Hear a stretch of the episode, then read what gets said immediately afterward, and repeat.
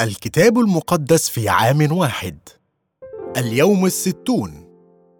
انفتحت عيني. كان الأمر كما لو كنت أعمى. لا بد وأنني قد سمعت كثيرا أن يسوع مات لأجل خطايانا لكنني ببساطة لم ارى هذا. كنت أعمى روحيا لكن عندما فهمت الصليب انفتحت عيني.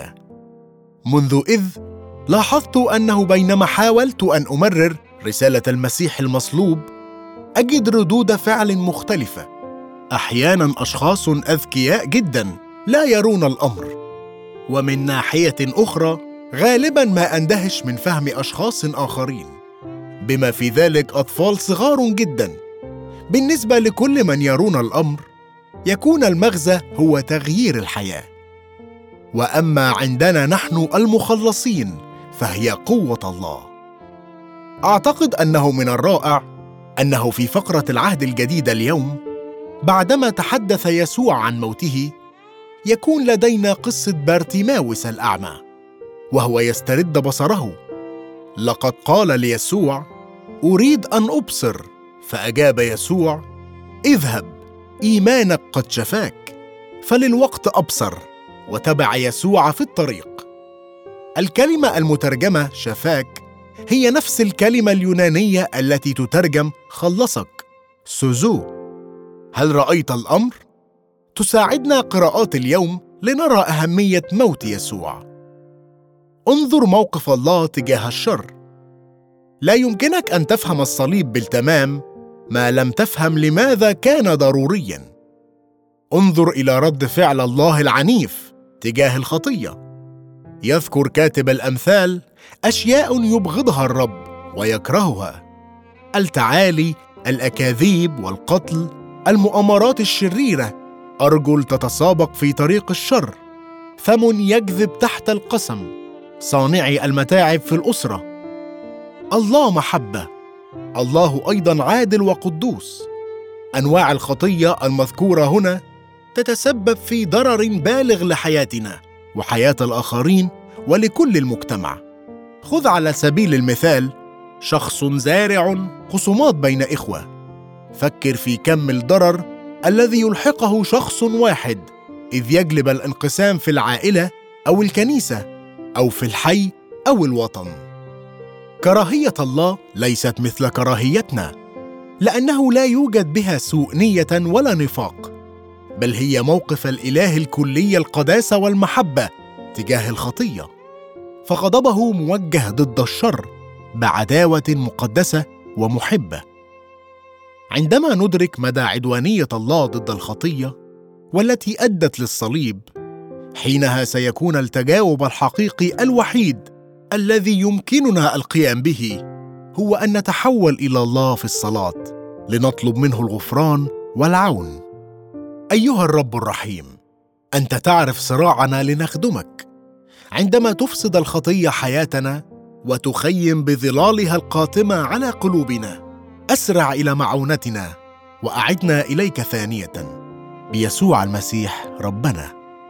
من الصلوات الأنجليكانية القصيرة ليوم أربعاء الرماد. انظر لترى نتائج الصليب. إن سألك يسوع ماذا تريدني أن أفعل لأجلك؟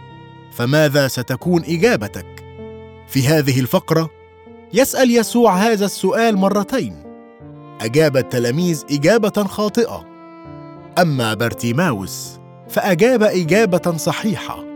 أن أبصر. بعض الناس ببساطة لا يرون الحقيقة.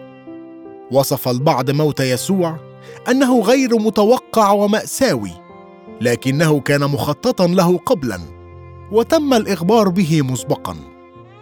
هذه الفقرة في إنجيل مرقس هي ثالث مرة يسبق فيها يسوع فينبئ بموته وهي أكثرهم تفصيلا. وهي ترينا أن يسوع كان يعلم بأمر موته وقيامته. لم يكن موته غير متوقع. لقد كان اختيارا مقصودا ولم ينتهي بمأساة بل بنصرة. والأكثر. أن يسوع كان لديه فهم واضح بخصوص الغرض من موته ونتائجه لأن ابن الإنسان أيضا لم يأتي ليخدم بل ليخدم وليبذل نفسه فدية عن كثيرين. تشمل خلفية فهم يسوع لموته سفر أشعياء الأصحاح الثالث والخمسون وهو واحد من فقرات العبد المتألم. ونرى هنا دليلا واضحا على أن يسوع قد رأى موته من منظور هذا العبد المتألم. الألم لماذا أتى يسوع إلى هذا العالم؟ لقد فهم أن هدف مأموريته هو أن يتألم. هذا هو السبب في مجيئه. لقد جاء ليبذل حياته لأجلك ولأجلي. العبد يستخدم يسوع تعبير ليخدم. لقد رأى نفسه أنه العبد لم يأتي ليخدم بل ليخدم. يردد تعبير ليبذل نفسه. صدى العبد في إشعياء الأصحاح الثالث والخمسون والعدد العاشر. أن جعل نفسه ذبيحة إثم. وإشعياء الإصحاح الثالث والخمسين العدد الثاني عشر. سكب للموت نفسه. المخلص. تستخدم كلمة فدية عن اسرى الحرب والعبيد. فهي تعني الثمن المدفوع للفداء وهي تدفع لتحرير الاسرى لذا يحررك ويحررني موت يسوع على الصليب. بديل وعوضا عنا. الكلمة المترجمة عن في مرقس الإصحاح العاشر العدد الخامس والأربعون.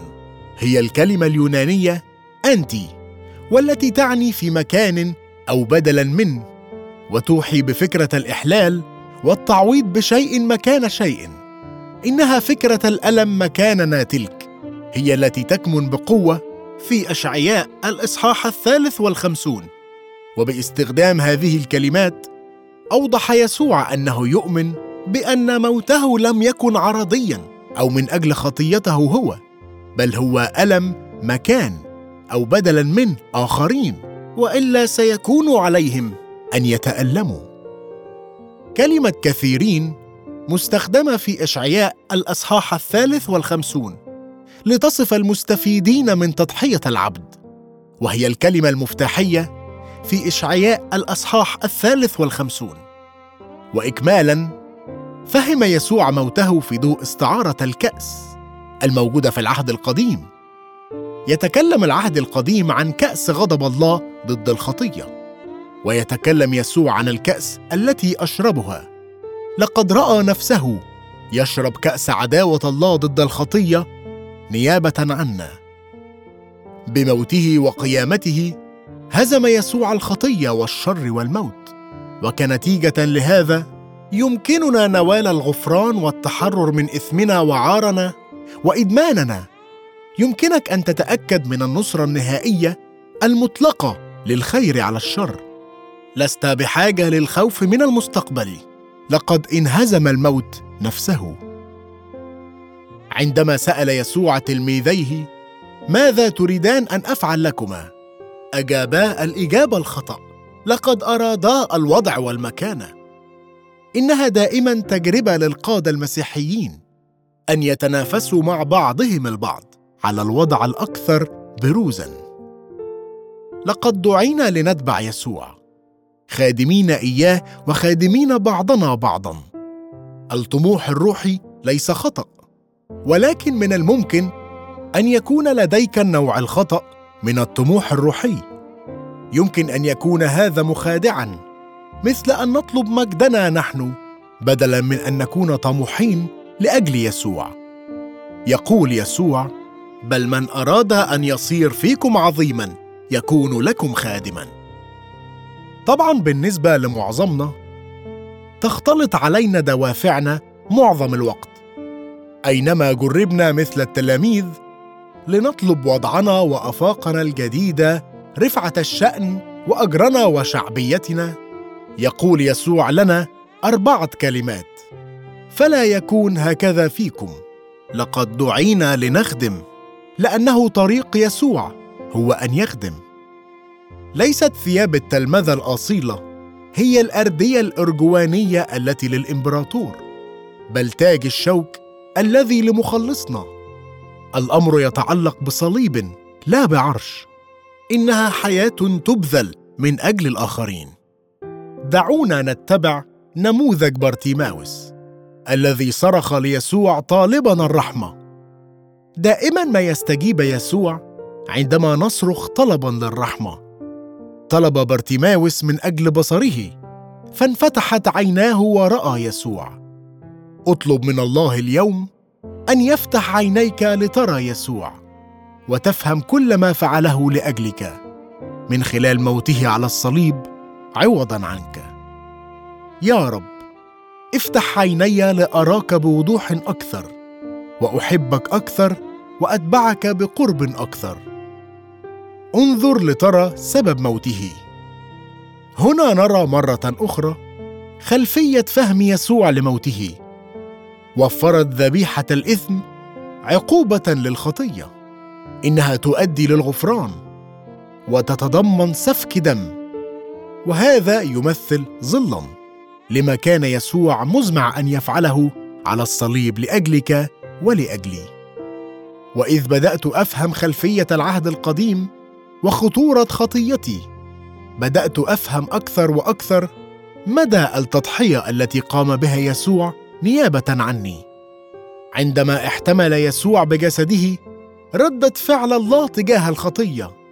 أتاح لي إمكانية الغفران واختبار الحياة في كل ملئها. كان اختباري شبيها باختبار بارتيماوس الأعمى. لم يكن عماي ماديا. بل روحيا ومثله صرخت يا يسوع ارحمني. نلت البصر وتبعت يسوع. لم يكن هذا شيئا نلته عن استحقاق. لقد كان هبة نلتها بالإيمان. تماما كما قال يسوع لبارتيماوس اذهب إيمانك قد شفاك أي خلصك. أشكرك يا رب. إذ فتحت عيني لأفهم مقدار تضحيتك النيابية عني.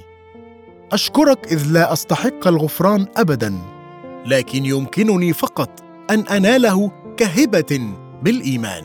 ساعدني مثل بارتيماوس لأتبعك وأقدم حياتي لخدمتك وخدمة الناس. فإذا أخطأ وأذنب يرد المسلوب الذي سلبه أو المغتصب الذي اغتصبه. أو الوديعة التي أودعت عنده أو اللقطة التي وجدها. لابد أن أعترف أن لدينا الكثير من المظلات التي تركها الناس في مكتب القسيس ووجدناها نافعة جدا.